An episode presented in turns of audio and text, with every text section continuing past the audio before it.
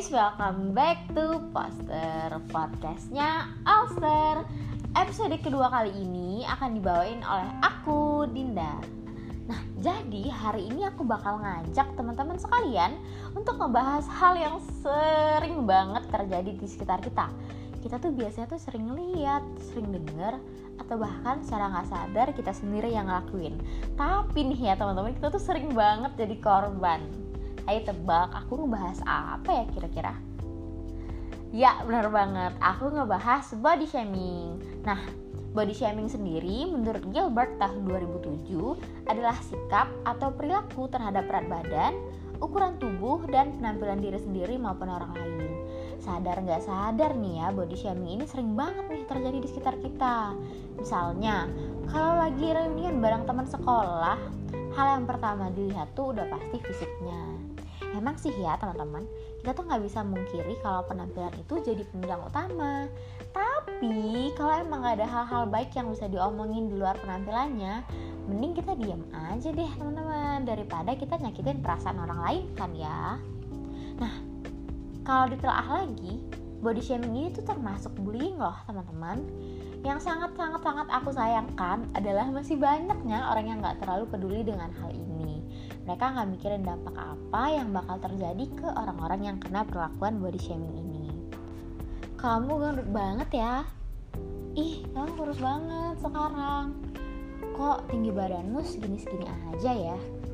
Ih jerawat kamu banyak banget dan masih banyak lain lagi hal-hal yang sering banget kita dengar secara langsung nah tapi sayang sekali ya teman-teman, body shaming ini tuh tidak hanya terjadi secara langsung di depan mata kita.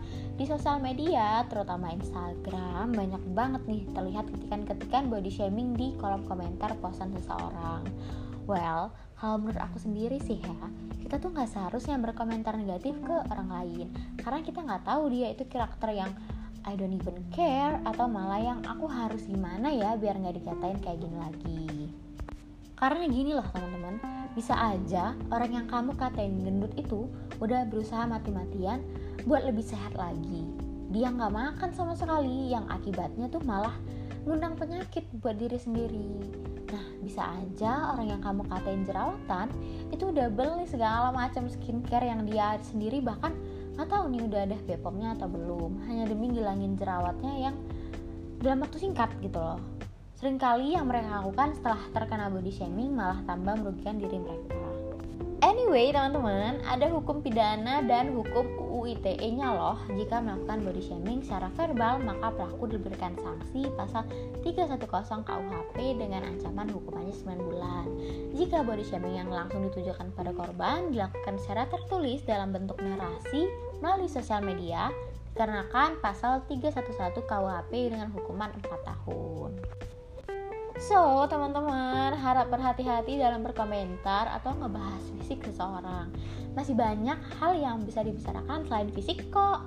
Selain takut karena ancaman pidana tadi, sebaiknya kita itu saling menghargai ciptaan Tuhan dan saling menghargai perasaan sesama manusia karena manusia tidak ada yang sempurna ya, teman-teman.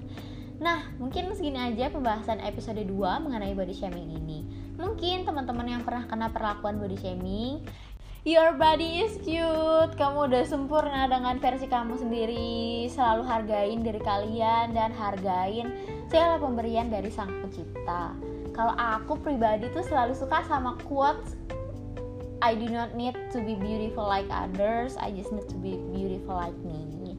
See you di next episode, teman-teman semuanya.